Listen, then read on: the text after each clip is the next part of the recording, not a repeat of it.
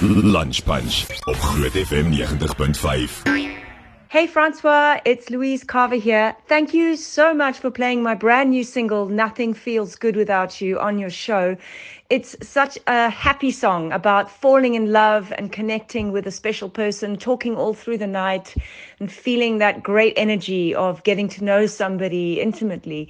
Um, I had such an amazing time on your show last last time. I performed live, and it felt like I was in your lounge. So um, yeah, thank you, and I hope to see you again soon. And uh, for everyone listening, I hope you love the new single.